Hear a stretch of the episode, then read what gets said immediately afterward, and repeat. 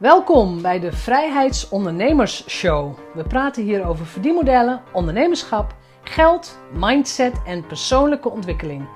Ik ben jouw host, Jeanette Badhoorn, bedenker van het merk Vrijheidsondernemers, auteur, organisator van de Transatlantische Ondernemerscruise en online pionier. Welkom bij aflevering 40. En vandaag weer een interview. Dit keer met William Meister. En ik heb geen idee of je hem kent. Maakt ook niet uit. Je gaat hem nu leren kennen. En ook, je gaat hem ook meteen vrij goed leren kennen. Want wat hij beschrijft, hij is opgegroeid in Zuid-Afrika, beroerde jeugd gehad en heel lang last gehad van het feit dat hij zijn jeugd en zijn ouders steeds overal de schuld van wou geven. Met andere woorden, dat hij niet de verantwoordelijkheid wou nemen voor zijn eigen leven. Dus dat je blijft hangen in het slachtofferdenken. Van ik heb het zo zwaar gehad, of waarom heeft niemand beter voor mij gezorgd, of nou ja, waarom overkomt mij dat? Heel normaal denken. Ik zie het heel erg vaak, uh, maar het dient niemand. Het, het dient jou niet, het dient mij niet, het dient niemand. Het heeft hem ook niet gediend. Hij, hij vertelt heel eerlijk en heel openhartig over waarom dit soort gedachten hem niet hebben geholpen. En wat hij heeft gedaan om het heft weer in eigen handen te nemen. En hoe hij vanuit een carrière in uniform, defensie, politie, nu ondernemer is geworden. En eigenlijk ging wel richting het spirituele mindset. Een heel soort ondernemer dan die misschien 10, 12 jaar geleden had kunnen bedenken.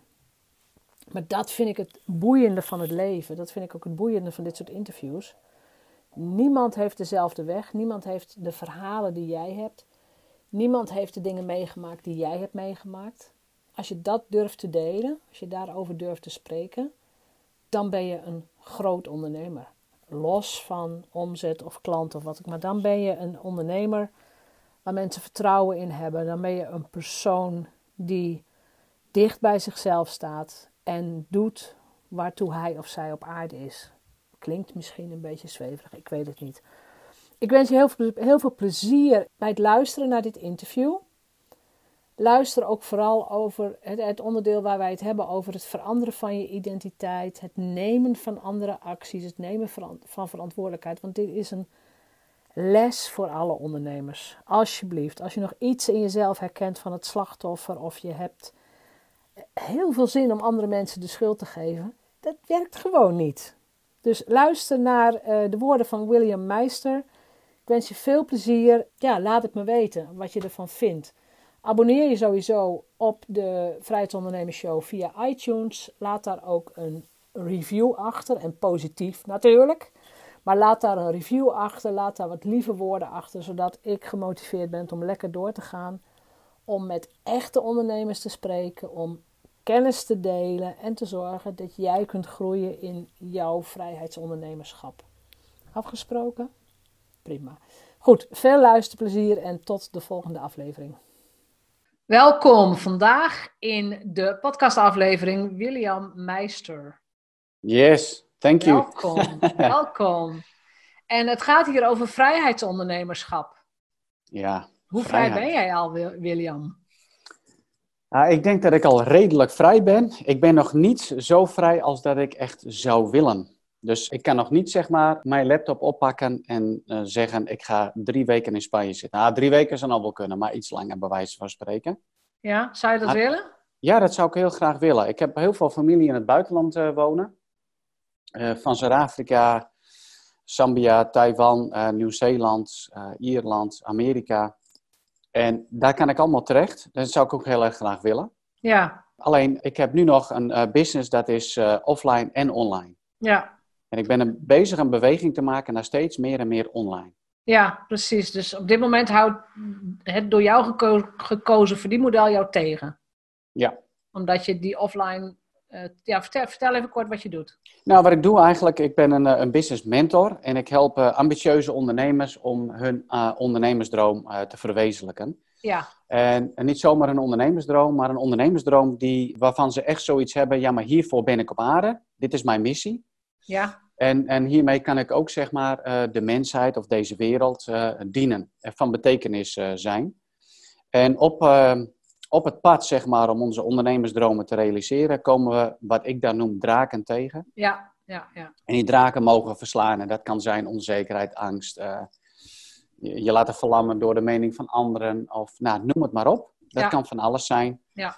En daar help ik ondernemers mee om dat allemaal inzichtelijk te krijgen. Dus van die authentieke droom uh, tot en met het verslaan van hun onzekerheden, het opbouwen van zelfvertrouwen. Ja, dat dus is eigenlijk wat je ik doet doe. veel mindsetwerk met ze. Heel veel mindsetwerk. Eigenlijk heel veel praten en uh, dingen inzichtelijk maken en ervoor zorgen dat men groeit in bewustwording van uh, waarom dingen zijn zoals ze zijn. In Ja. hun leven en in hun business. En hoe je dan vervolgens naar die vrijheid kunt gaan in je mind, in je, Ja. in je denken. Ja, daar zit de echte vrijheid. Ja. Gebruik jij ook een speciale methodiek? Ja, ik heb zelf een, eh, ja, wat ik noem een stappenplan, een methodiek, dat noem ik de Deep Steps methode. En dat is zeg maar op een gestructureerde manier eh, beginnen bij, ehm, ja, wie ben ik en wat wil ik eigenlijk? Ja, Het ontdekken van die authentieke droom. Eh, ik kom heel veel ondernemers tegen die wel een droom najagen, maar wat niet hun echte authentieke droom is. Dus dat het meer een droom is die, eh, waarvan zij denken, daar ga ik gelukkig van worden.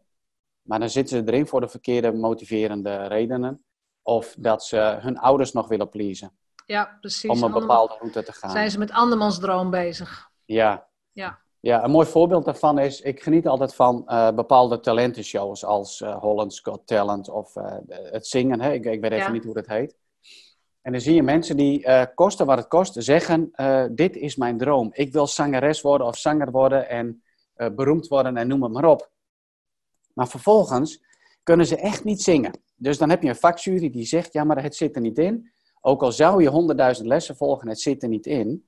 En dan heb je sommigen die zeggen, ja, maar ik ga hier dan toch mee door. Ja, dat is wat ik noem niet hun authentieke droom. Maar als je daarmee in gesprek zou gaan, dan zou er heel wat eh, achter zitten waarom men op zoek is naar die beroemdheid en in de picture te komen te Tuurlijk. staan. Ja, Nou, en daarna gaan spitten van, maar wat is het dan echt? Ja. Waarom ben jij hier eh, op aarde? Waartoe ben jij? Ja, daar ga ik dan met ze mee eh, Ja. aan de slag. ja. En daar gebruik ik die methode voor.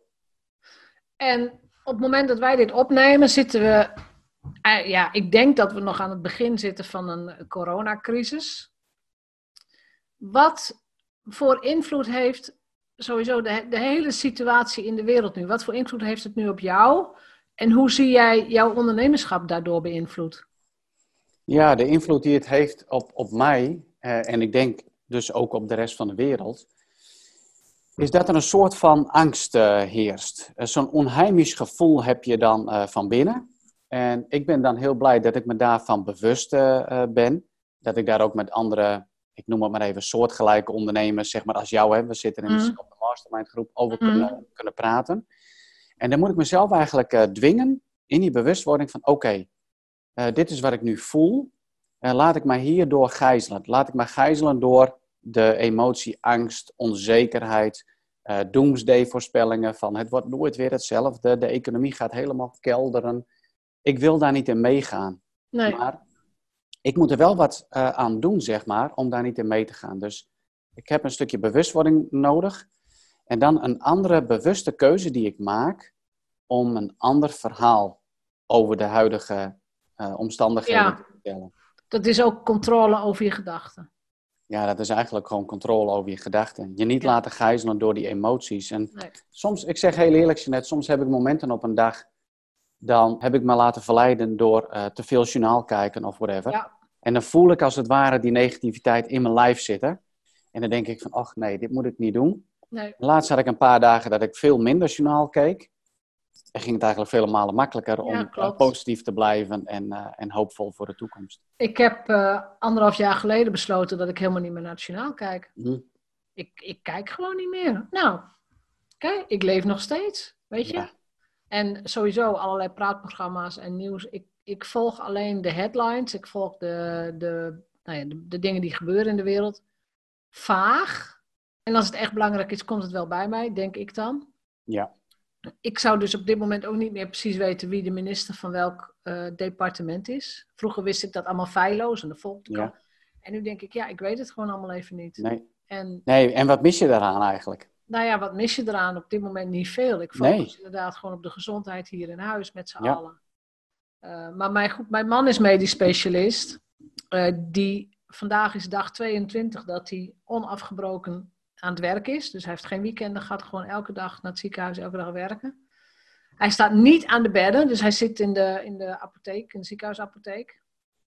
Eh, hij staat niet aan de bedden, maar hij komt natuurlijk wel thuis met verhalen uit de eerste Ja. lijn. En dat vraag ik ook elke dag. Hoe was vandaag in het Ja. ziekenhuis? Wat gebeurt er? Waar lopen jullie tegenaan? En eh, ook daar is het, ja, het is, het, is, het is heel zwaar. Maar ook daar is het heel mooi om te zien dat ze elkaar zo steunen. Ja. Dat ze er voor elkaar zijn. En dat, dat zie je natuurlijk in de hele samenleving nu. Dat mensen er veel meer voor elkaar zijn. Ja, En- dat is wel een hele mooi iets hè, om te zien. En Ja. ik hoop dat het ook zo blijft als dit op een gegeven moment over is. En ehm, je, je zult nu ook zien hè, dat het, hoe zeg je dat in het Nederlands, de koren van het kaf gescheiden gaat worden, hè, dit soort Ja. crisissen. Ja. Is van, ehm, kunnen we dit gebruiken, ook in ons persoonlijk leven, om eh, weer verder te komen? Hè? En je vroeg mij in het begin hoe vrij ik was als, als eh, eh, vrijheidsondernemer.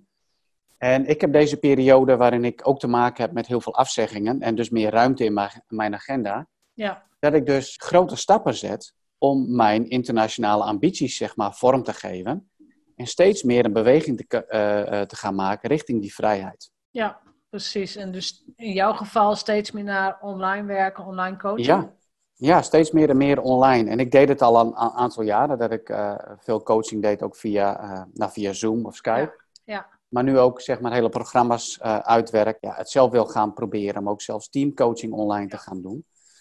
Want je zei ook internationaal, jij bent opgegroeid in Zuid-Afrika.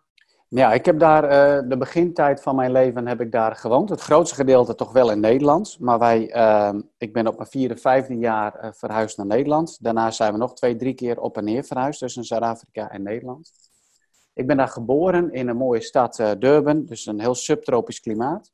Ja, En ik ben op mijn nou, 17e, eh 16e, 17e van huis weggelopen, als je dat zo mag noemen, nog op die leeftijd. ja, Ik wilde weer een nieuw bestaan opbouwen daar. ja. En eh, ja, uiteindelijk eh, kwam ik op mijn 17e weer even terug in Nederland. Of, nee, ik was inmiddels al wel, wel 18. En toen werd ik opgeroepen voor mijn dienstplicht. Ja, Ik had mij vervroegd aangemeld en eh, ja, ja, toen heb ik anderhalf jaar mogen dienen bij de luchtmacht. Mijn vliegticket weer eh, opgehaald bij een reisbureau, want toen de tijd had je nog geen internet. nee, In de trein op weg naar huis zat ook mijn huidige vrouw. En zij bleek mijn anker te zijn. dat is echt een verhaal. Hè? Jij had een ticket besteld om terug te gaan naar Zuid-Afrika. En die had ik opgehaald, dus die had ik in de binnenzak van mijn jas.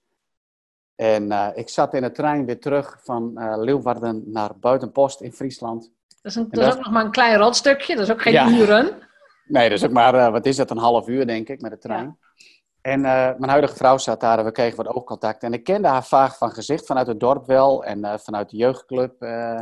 Ze ging ook terug naar buitenpost. zij ging ook terug naar Buitenpost, zij zat Ja. in Leeuwarden op school. Ja, En op een of andere manier, ik denk zelfs dat het diezelfde dag was, of de dag erna, dat zij mij belde en we kregen een, maakten een afspraak met elkaar en ik werd hopeloos verliefd. en zij ook, hoop ik. En zij ook, want ehm, eh, op de, de dag dat wij trouwden, kenden we elkaar zes maanden. Dus kun je nagaan hoe snel dat is gegaan. Dat is, heel, dat is echt een verhaal, ja. Ja. Gelo- geloof jij in een soort voorzienigheid? Ja, ik geloof zeker in een voorzienigheid, laat ik zo zeggen. Ik geloof in, in, in, een, een, in een God. Ja. Maar dan niet zozeer in, in een, een God, zeg maar, als het, het oude beeld van dat is een, een, een man die regeert vanuit een hemel met een staf en, eh, eh, enzovoort. Maar ja, God is geest, is, is bewustzijn, consciousness, whatever. Ja, En ik geloof wel ergens in een stukje eh, voorzienigheid, maar it takes, it takes two to tango in die voorzienigheid. Dus Ja. die voorzienigheid die werkt alleen maar als ik daarvoor open voor sta. ja, dat is wat ze ook noemen, hè, als het gaat over de law of attraction, het Ja, universum. helemaal. Ja, Zon- als je het ook zonder religie zou bekijken. Er komen heel vaak signalen voorbij, er komen heel vaak kansen of er komen heel vaak, ehm, nou ja, signalen. ja, Maar als jij ze niet ziet of als je er niet voor open staat, dan zijn ze ook weer weg. Dan zijn ze ook weer weg. Ik, bedoel, Ja. ik, ik had het kunnen negeren. Ik, eh, ik had ook Ja? niet een afspraak met haar kunnen maken. Ik had ook alsnog gewoon kunnen gaan. Ja. Maar ja, dat is niet gebeurd. En ik geloof ergens wel in een stukje voorzienigheid voor ons beiden in, in dat geval. En wij hebben daarvoor gekozen om die voorzienigheid zeg maar op te pakken. Ja, nou dat is heel... Heb je meer voorbeelden van dingen die zijn gebeurd? Gewoon dat je ergens een signaal kreeg van nou dit moet je doen of dit is echt belangrijk. Dat je achteraf kijkt van nou dit was een van de beste beslissingen van mijn leven. Heb je het vaker gehad? Ja, dat heb ik zeker wel gedaan. Maar dan vooral ook op, het, op uh, uh, mijn carrièrevlak.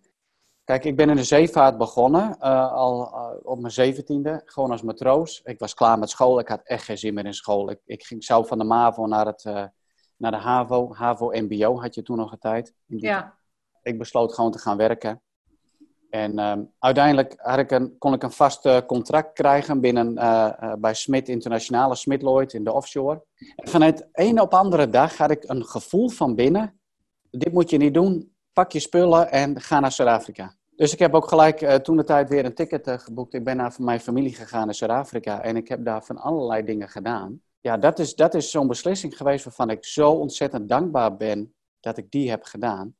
Want, waarom? Nou, ik heb daar zoveel over mezelf geleerd. Het was voor mij echt even nodig om uit mijn uh, privé-sfeer thuis uh, zeg maar, uh, te komen. Ja. Tijd door te brengen met mijn, met mijn familie daar. Is een hele close, we zijn een hele close familie. Heel erg nou, warm ook naar elkaar toe. En ik heb daar zoveel geleerd over mezelf. Ja, dat had ik eigenlijk niet, niet willen missen.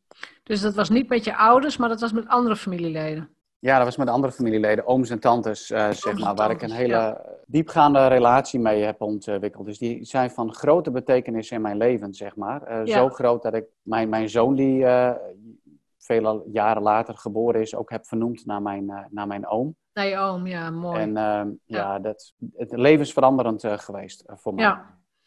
Maar het is wel heel belangrijk wat je beschrijft, want als het gaat over zelfvertrouwen en over vertrouwen als ondernemer als je een soort vertrouwen hebt vanuit het gezin waarin je bent opgegroeid of de familie waarin je bent opgegroeid, is het dan niet gemakkelijker om vol zelfvertrouwen de wereld in te gaan?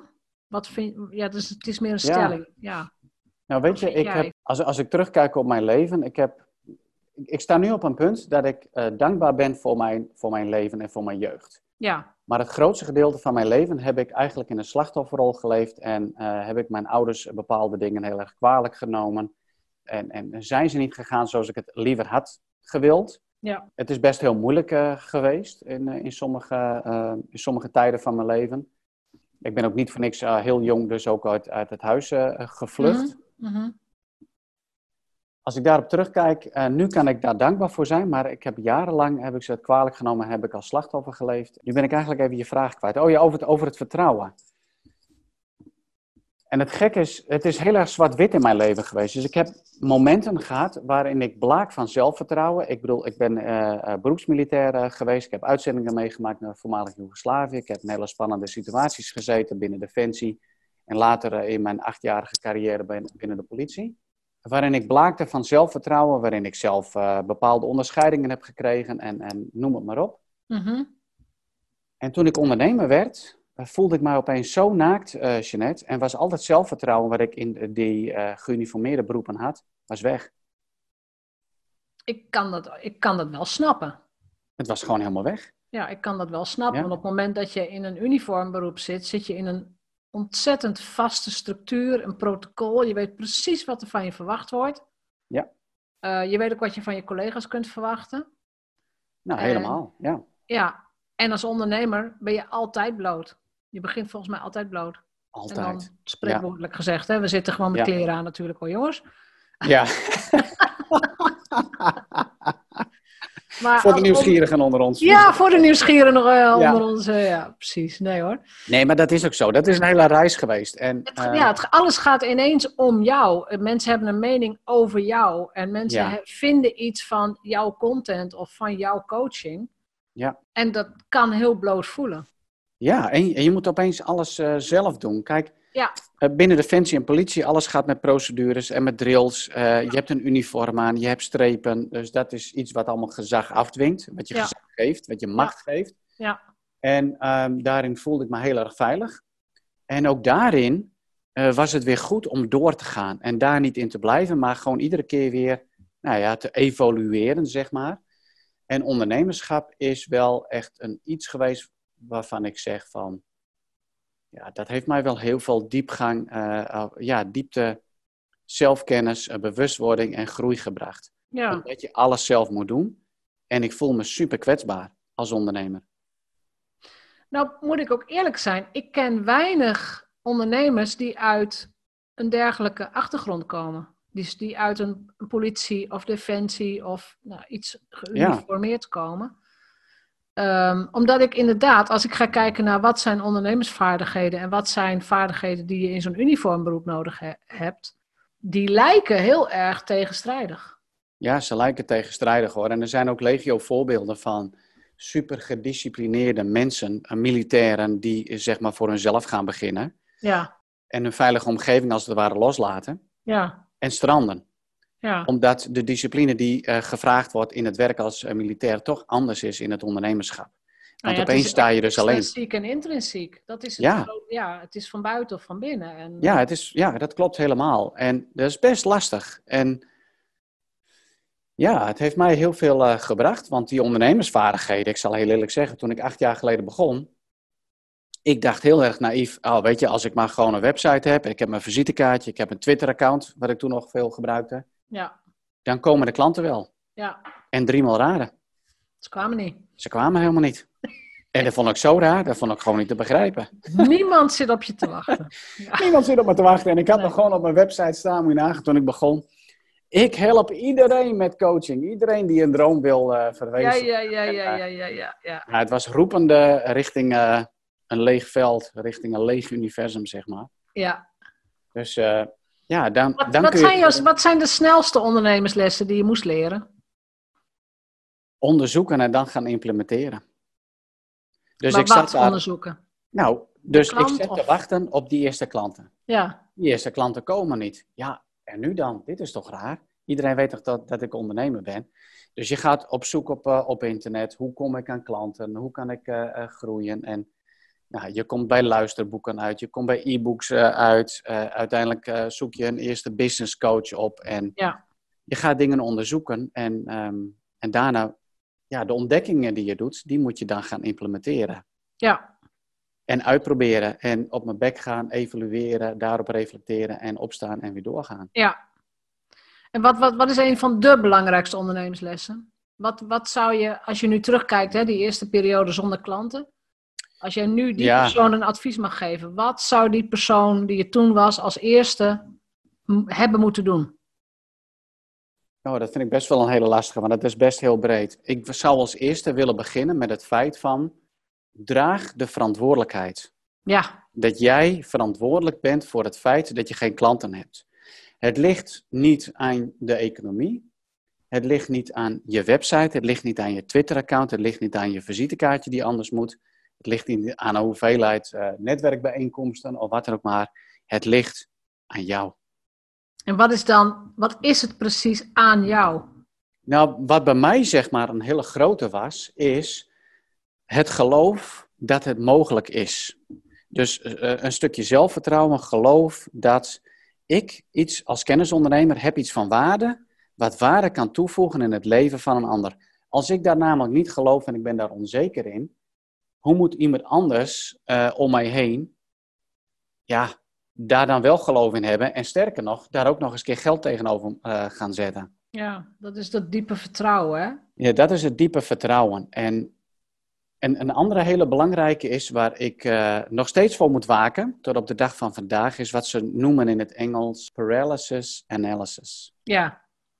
Of analysis paralysis. Hè? Dus uh, te veel gaan denken en, en, uh, en blijven denken en onderzoeken. boeken lezen, e-boeken lezen, YouTube-video's kijken van succesvolle ondernemers enzovoort. En honderdduizend ideeën hebben. Maar vervolgens de dag erna gewoon weer opnieuw dat soort video's gaan kijken, boeken lezen, business coaches, goeroes volgen. Ja. Implementeren. Ja, dus, je, moet, je moet in de actie komen, ja. Je moet echt actie gaan ondernemen. En uh, als je dat niet doet, dan gaat het hem niet worden. Het zit hem al in het woord ondernemen. Ondernemen. Betekent dus, ik moet dingen ondernemen, doen. Ja. Bewegen. Ik moet bewegen, dat is, het, dat is sowieso. Ja. En als je gaat kijken naar, want wij hebben wel vaker gesprekken, het gaat over actie en hè, dus het, het, dingen doen of iets zijn. Ja. Hoe, hoe kijk jij daarnaar? Welke identiteitsshift heb je gemaakt bijvoorbeeld? Ik heb echt een, eh, een identity shift moeten maken van de, de onzekere, niemand zit op mij te wachten, uh, William Meister. Als, uh, als ondernemer naar de, voor mezelf, ons, mijn identiteit is nu, ik heb hem dan in het Engels opgeschreven, is I am a multiple seven-figure entrepreneur. Yes. Dus dat betekent dat ik een ondernemer ben die miljoenen verdient. Het is nog geen realiteit op dit moment, maar het is wel de identiteit die ik elke dag weer um, en, en, leg het eens uit voor mensen die deze oefening nog nooit gedaan hebben. Hè? Want op het moment dat je zegt, ik ben een, een ondernemer die meerdere miljoenen verdient, of in ja. omzet. Wat voor impact heeft dat op het dagelijkse doen, het dagelijkse zijn, de dagelijkse beslissingen? Ja, nou, het begint met het uh, voor jezelf opschrijven, wat wil je nou eigenlijk echt? En, en voor mij is dat, uh, het is niet zozeer dat ik die miljoenen zeg maar als uh, hoofddoel heb. Kijk, ik wil ze heel graag, omdat ik daar hele mooie dingen mee wil gaan doen in mijn eigen leven, voor mijn gezin, voor familieleden, maar ook voor andere dingen die ik op het oog heb. Maar ik moet iemand worden.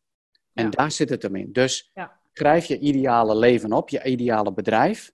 Ja. En stel dan de vraag, maar wie moet ik dan zijn om dat te kunnen realiseren? Ja. Dus dat is iemand met uh, geloof. Dat is uh, iemand met ondernemingskracht. Dus dat betekent dingen doen, uitproberen. Dat is iemand die niet bij de pakken neer gaat zitten als het mislukt. Dat is dus ook iemand die durft uh, fouten te maken, die zichzelf durfbaar of kwetsbaar durft op te stellen.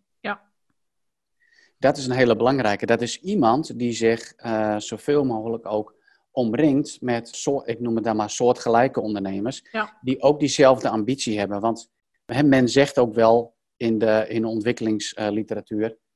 je wordt het gemiddelde van de zes mensen waar je het meeste mee omgaat. Klopt. Dus als die zeg maar, als dat zes mensen zijn waar je het meeste mee omgaat, die niet diezelfde ambitie hebben of die altijd maar in het modale blijven zitten, ja, dan word ik daaraan gelijk. Dan ga ik heel moeilijk daaraan ontstijgen. Dus ik zal iedere keer weer daar scherp op moeten zijn. Ja, je moet jezelf pushen daarin. Ja, je moet jezelf gewoon echt uh, pushen. En dat betekent in het zijn uh, to do the inner work. Dus ik moet bezig zijn met, met wat, wat denk ik nu eigenlijk? Wat zijn mijn gevoelens? Hoe kan ik dat beïnvloeden? Dus en hoe stop jij, hoe stop je die gedachten? Want ik bedoel, dit is natuurlijk een, dat inner work, hè, dat innerlijke proces. Ja, dat kun je de hele dag gaan doen. Je kunt de hele dag beetje, nou ja, navelstaarderig gaan zitten. En ik zeg het even overdreven. Maar hoe stop je die, dat, dat innerlijke geobserveer naar, en nu ga ik dit doen? Ja, dat is ook een kwestie van, uh, van oefenen en een soort van baseline creëren. Voor mij is, ik, ik heb ooit in mijn leven een, een diagnose meegekregen vanuit de hulpverlening na een hele zware burn-out periode. Uh, bij de politie, en dat was dan ADHD, dus dat is uh, heel veel in mijn hoofd zitten. Eh, ja. duizend dingen tegelijk doen. Voor mij uh, is het dus heel belangrijk om rust te brengen. En, en meditatie, uh, yoga, ik doe fanatiek aan, aan yoga. Dat helpt mij om steeds meer en meer tot mijzelf te komen en ook de rust te vinden. Ja. En het is een kwestie van oefenen, van de momenten vinden op een dag waarin ik dus bezig ben met meditatie en yoga. Ik schrijf daarnaast ook nog veel in een, in een dagboek. Dus niet zo dat ik dan elke dag schrijf, maar in ieder geval wanneer ik uh, voel dat het nodig is om eventjes dat poortje in mijn hoofd open te zetten, dan schrijf ik alles op. En met mezelf ook de afspraak te maken. En nu is het tijd om te bewegen. Ja. Maar hoe meer je oefent, zeg maar ook in die, in die meditatie en in het zijn en in het, noem het maar even, in het dromen over hoe ik mag zijn als ik uh, zeg maar een succesvolle miljoenenbedrijf wil hebben als ik daarover droom, dan ga ik automatisch uh, ook het juiste gedrag uh, vertonen. Ja. ja, dan zijpelt het gewoon mooi. Dan zijpelt het door. Er zit wel een spanningsveld in, wat ik heb gemerkt bij mezelf en ook in de mensen die ik begeleid. Dat als je, ik geloof in groot dromen, maar als je daar te veel de focus op, op, op neerlegt, dan kun je ook verlammen van angst. Ja, dat klopt. Dat herken ik naadloos. Ja, dus het is dan heel doe je niks meer. Nee, dan doe je niks meer. Dus het is heel belangrijk om wel grote dromen. Schrijf het op. Schrijf het op in je dagboek. En een hele goede oefening is van eh, over tien jaar sta ik daar en daar. En je schrijft het als het ware op alsof je al, dat je dankbaarheid toont dat je het allemaal hebt gerealiseerd. Ja. En dat doe ik ook elk jaar, 31-12 uh, oefening. Op 31-12 2020 ben ik dankbaar voor dit en dit en dit. Ja, ja. Dan doe je het boek dicht. En heel af en toe kijk je er weer eens naar. Maar je laat hem, je laat hem rusten en je Ja. gaat gewoon aan de slag. Je gaat Het is wel mooi, bezig. want jij refereert aan, aan, aan verschillende afleveringen die ik al gemaakt heb. Gemaakt heb. Eentje gaat over inderdaad dankbaarheid in, het, in, het, in de toekomst. Dus je Ja. bent dankbaar voor wat er nog gaat komen. Ja, Volgens mij is ja, het dat is een hele mooie. 18. Ja, En mensen die, die moeten, die, die, of moeten, mensen die willen snappen hoe dat werkt met het veranderen op identiteitsniveau, die raad ik aan om naar aflevering 33 te gaan luisteren. Logische niveaus van, nou ja, oh, ja van Beets en Deels. ja, Ja, die is heel ik erg heb hem helemaal uitgelegd en ik zeg ook van het is in het begin echt wel theoretisch. Maar als je dit soort verhalen hoort en je gaat het bij jezelf ook herkennen, dan snap je dat model ineens heel goed. Ja, helemaal. Ehm, Ja. Ik, ik denk dat ik hem ook wel heb eh, beluisterd eh, van jou, dat je het daarover hebt. En dat is zo ontzettend belangrijk om bij stil te staan, want je gaat jezelf ook de juiste vragen stellen daardoor. Ja. Dat klopt. En, en dat is heel belangrijk. En, en om vervolgens ook je stappen eh, klein eh, te maken. Ja, Ja, dat is zo ongelooflijk eh, belangrijk. Ja. Ja, dat is ook zo. En jij zei ook van, hè, je zoekt dus een keer een goede business coach. Hoe belangrijk is het voor jou dat je van, ook van een, van een extern iemand... Oh, heel belangrijk. Ja. Dat is een hele cruciale eh, factor. Want in, laat ik het maar heel eerlijk zeggen. eh, ik had het niet gered zonder eh, coaches en mentors in mijn leven. Nee, En sterker nog, ik geloof dat niemand het gaat redden zonder. En als we kijken naar de succesvolle mensen die dus echt wat neerzetten, daarvan leren wij, ze hebben altijd mentoren en of coaches in hun leven om bepaalde dingen te leren. Klopt. Het kan niet zonder. nee, dat is ook volledig mijn overtuiging. En eh, soms, eh, soms heb ik er twee tegelijk. Ik, ik, ik Ja. wil hier aan werken en ik wil ook hier aan werken. Ja, Hoppakee. nou, maar weet je, we kunnen we ook wel meerdere hebben. Want ook bijvoorbeeld het luisteren naar jouw podcast is ook als het ware het hebben van een mentor of een coach of een inspirator. Ik hoop het. Daar, daar doe ik het Ja, voor, ja. Ja, en daar ben ik echt wel van, eh, van overtuigd. En, eh, en dan kun je nog daadwerkelijk gewoon een business coach hebben of een sparringspartner. Of, weet je, dus die mentoren en coaches die komen op allerlei verschillende niveaus voor in je leven. Klopt. En ik geloof wel dat het heel erg goed is om, en dat merk ik zelf ook weer, om te investeren in begeleiding. Ja, In, in coaching. En dat je ook en waarom voelt- is dat goed? Nou, eh, wij zeggen in onze wereld, hè, die ehm, transformation is in the transaction. Omdat het namelijk goed is om eerst tot de erkenning te komen dat je het in je eentje niet kunt. Ja. Dat je een spiegel nodig hebt, dat je confrontatie nodig hebt en dat je bepaalde skills moet aanleren. Van het reflecteren tot het opnieuw dromen tot vaak technische dingen. En je hebt accountability eh, nodig. Ja. En op het moment als je daar een stevige bedrag voor betaalt, en je merkt dat en je voelt dat, dan dwingt dat jou echt wel in de stand van, ik wil waar voor mijn geld en ik ga echt wel bewegen en ik ga hier echt wel wat mee doen. Ja, Dus dat is gewoon een ontzettend belangrijk iets. En, en, dat, en wat ik tegenkom in de coaching- en trainerswereld, en ik verbaas mij er hoogstens over, Jeanette, is het volgende. Ontzettend veel coaches en trainers en mentors en whatever, die wel willen dat jij eh, hun betaalt voor hun begeleiding, en zelf amper investeren in een, eh, in een coach of whatever. Ja, Dus als je op zoek bent naar een coach eh, of naar een mentor of wat dan ook maar, stel altijd de vraag: en wat doe je zelf aan ontwikkeling? Wat investeer je daar zelf in? Want Ja. als ze dat niet doen, dan zijn het in mijn ogen hypocrieten, schijnheiligen. Eh, dat werkt niet. Ja, ja, ik heb altijd zoiets van, zou dat zichzelf niet uitselecteren? Ik weet het niet.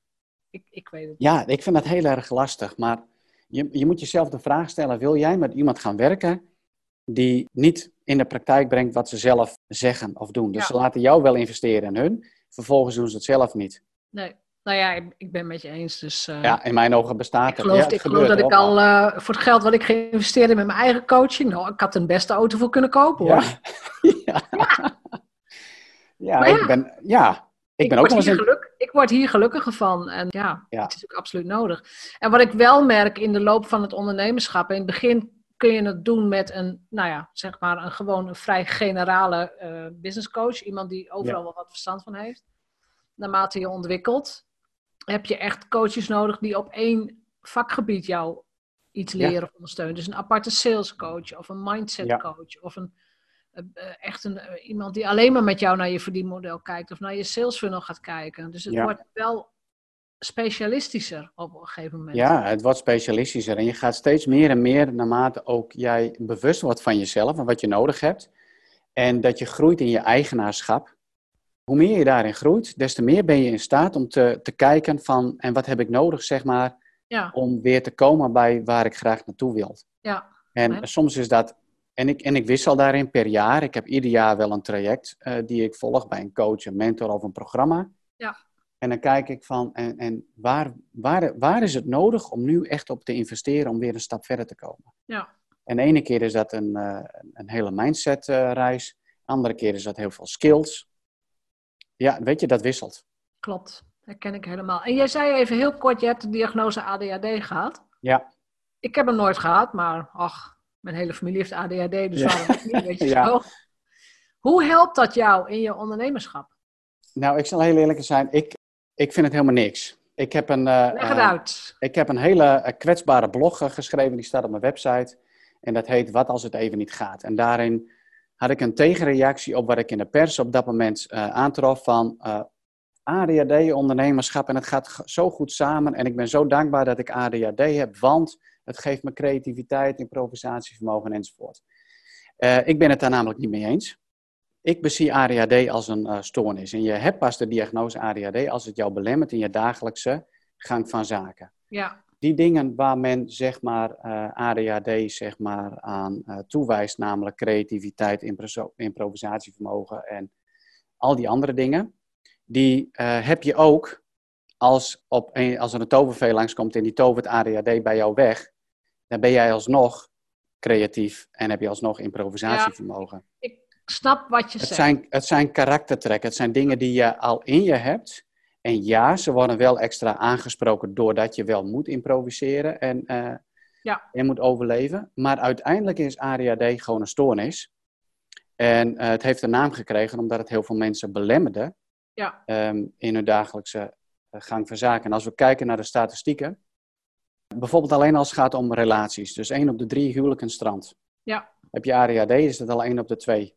Ja. Het aantal burn-outs, depressie, uh, klachten, uh, zelfmoorden, nou, noem het allemaal op. Is allemaal met een keer zo erg als je ADHD hebt. Ja. En het komt eigenlijk nooit alleen. De diagnose ADHD komt nooit alleen. Er is sprake van wat ze noemen comorbiditeit. Ja. Er komt altijd iets anders bij. Ja. En het is helemaal geen feestje om het te hebben. Dus ik had het liever niet. En toch verdenk ik heel veel ondernemers dat ze het wel hebben. Omdat ze niet in, in een regulier systeem passen. Ze passen niet meer in een corporate wereld. Ja, en dat is dus die overlevingsdrang uh, weer. Ja. Als jij als ondernemer is het best wel heel lastig om uh, in een vakje te passen. Dat merkte ik binnen Defensie, dat merkte ik binnen politie. Ik wilde meer dan zeg maar uh, toegestaan was. ja. Ik wilde juist ook buiten de lijntjes kleuren. Ja. Dat kan niet. Dus ik was op een gegeven moment echt wel genoodzaakt. Oh, maar wacht eens even. Als ik buiten de lijntjes wil kleuren en ik wil echt mijn eigen e- leven inrichten zoals ik dat wil, dan moet ik wel ondernemen, want wat blijft er anders over? Klopt. Ja. Dus, uh, maar daar, daarin komt dus een heel groot spanningsveld. Dus je hebt het nodig om te overleven. En, en gewoon dienstverband is best lastig. Dus mensen gaan uh, ondernemen omdat het een soort van overlevingsstrategie is. Ja. Maar dan dan kom je weer terug van, nou, dan ben je naakt en dan moet je opeens alles zelf doen. En dan is ja, ja, ja. regelmaat, structuur, afspraken, uh, actie, stand, uh, balans, ja, is gewoon ontzettend belangrijk. En daar gaan mensen branden daar op stuk. Dus heel veel ondernemers branden helemaal compleet af, ook in een eigen onderneming, omdat ze dat niet van de grond krijgen. Ja, en ik denk ook nog omdat wij absoluut vanaf jongs af aan niet ondernemend worden opgevoed. Oh, dat 100 procent. Nee. Vanaf dag één opgevoed om in, nou ja... Ja, ons hele onderwijssysteem is daarop ingericht, dat klopt. En eh, dus ik denk dat, dat ook, daar komen ook burn-outs vandaan, want er wordt ook niet naar je talenten gekeken. Nee. Er wordt ook niet gekeken, waar ben jij nou specifiek goed in? Hoe kunnen we dat in het zonnetje gaan zetten? Nee, je moet dit en dit en dit ja. allemaal leren. En nou, ik weet niet meer wie het zijn, maar het is een wonder als je zonder kleerscheuren uit je jeugd komt. Ja, volgens mij komt niemand zonder kleerscheuren uh, eruit hoor. Maar ik, ja, ik geloof wel dat we het allemaal ten goede kunnen gebruiken. Dus Ja. eh, ik heb er op een gegeven moment een bewuste keuze in gemaakt dat ik mijn kleerscheuren ten positieve wil gebruiken voor mijn eigen leven. Ja. En om van betekenis te zijn voor anderen. Ja. En dan kijk ik van, eh, dan heeft mijn jeugd, dan heeft de ellende die ik heb meegemaakt, ook in mijn puberteit, waarin ik hopeloos in de knoop zat met mezelf. Eh, en al die verschillende carrières, dat, dat maakt mij tot ja, een ideale mentor, een coach voor, eh, voor mensen om bepaalde dingen te bereiken. Ik kan het allemaal gebruiken nu. Klopt. En je kunt het nooit meer. Weet je, mensen kunnen je daar ook, daarin ook niet nadoen. Ze kunnen nooit de dingen, de verhalen vertellen die jij hebt meegemaakt. Dat, dat gaat gewoon niet. Nee, Dus Nee. eh, ik, ik kom daar ook steeds meer achter hoe authentieker ik ga praten over. Nou ja, maar ik ben in Drenthe geboren, opgegroeid. Nou, in Drenthe Ja. moet je altijd normaal doen. Anders val je op en dat willen we niet. Maar hoe meer, je dat gaat, hoe meer ik dat ga delen en hoe meer ik ook vertel over wat voor soort gezin ik kom. En het is allemaal niet zo heel ellendig hoor. Maar hoe meer mensen dan ook zeggen, ja, ik was de dochter, ik ben, ja, ik ben de dochter van een fietsenmaker. Maar iemand anders zegt van, nou, ik herken jouw verhaal één op één, want ik was de dochter Ja. van een bakker. En bij ons was het ook precies zo. En hoe meer je dat gaat delen, hoe meer mensen aanhaken op ja, dat wat je mee hebt gemaakt. En hoe sneller ze ook snappen waarom jij doet wat jij doet. ja, Maar ik Ja. heb ook altijd geweigerd om me neer te leggen bij, eh, bij de status quo. En dat is, ik wou niet groot worden in Nee. Drenthe met een baan bij de HEMA of wat dan ook. Nee. Nee. Nee, nee, precies. En misschien moet je dat ook wel gewoon in je hebben, dat weet ik niet. Want ik kom ook wel mensen tegen die eh ogenschijnlijk zeggen dat ze het helemaal prima vinden, hè, de status quo. Niet iedereen heeft een bepaalde Oh ja, maar ambitie. dat is precies, En dat is prima. Die, ja. die zijn er genoeg. En ik merk ook wel, je zegt een hele belangrijk iets, namelijk het jezelf zijn. En hoe meer jij jezelf durft te zijn, eh, dan kun je ook een hele mooie inspiratiebron zijn voor anderen. ja. En ik heb gemerkt dat als, als lakmoesproef, hoe meer ik mezelf ben, des te meer oordeel ik ook over mijzelf af, afroep van anderen. Ja, hoe bedoel je dat? Dat mensen iets van je vinden. Juist. En, en dat ook gaan zeggen. Maar Eh, ze dus, moeten ook iets van je vinden. Want als jij, als jij niet, eh, hoe zeg je, als mensen niks van je kunnen vinden, dan besta je ook niet. nee, dan ben je grijs. Dan ben je grijs. Dan ben, Dan ben je je, hartstikke grijs. nou ja, een paling in een emmer snot of zo. Ja, Ah, ja, inderdaad, ja. Ja, ik bedoel, dan, dan, dan, dan nee, als, als niemand iets van je vindt, dan ben je ook niet interessant. Nee, dan ben je helemaal niet interessant. En Nee. eh, misschien is dat wel de grootste ondernemersles eh, en groeistap die je kunt maken. Hoe meer jij jezelf bent, hoe meer jij jezelf durft te zijn en durft te omarmen, hè, met, met al je onhebbelijkheden en al je goede dingen en alles erop en eraan. Ja. Je daar vrede mee hebt, hoe succesvoller jij je business kunt eh, runnen. Nou, dat vind ik een prachtige afsluiting. Is er nog iets wat jij, wat je mee wilt geven? Nou, ik vind dat laatste vind ik eigenlijk gewoon heel mooi. Eh, Ja. Mensen durven gewoon te dromen. Ja. En eh, de wereld zit op jou te wachten. Ja. En durf jezelf te laten zien. Jezelf te omarmen. Ja. Hou van jezelf. Hou van jezelf, het allerbelangrijkste. Allerbelangrijkste. Klopt.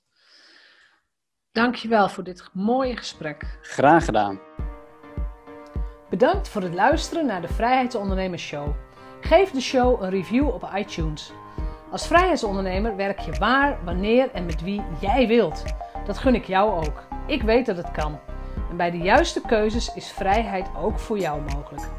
Op jouw vrijheid!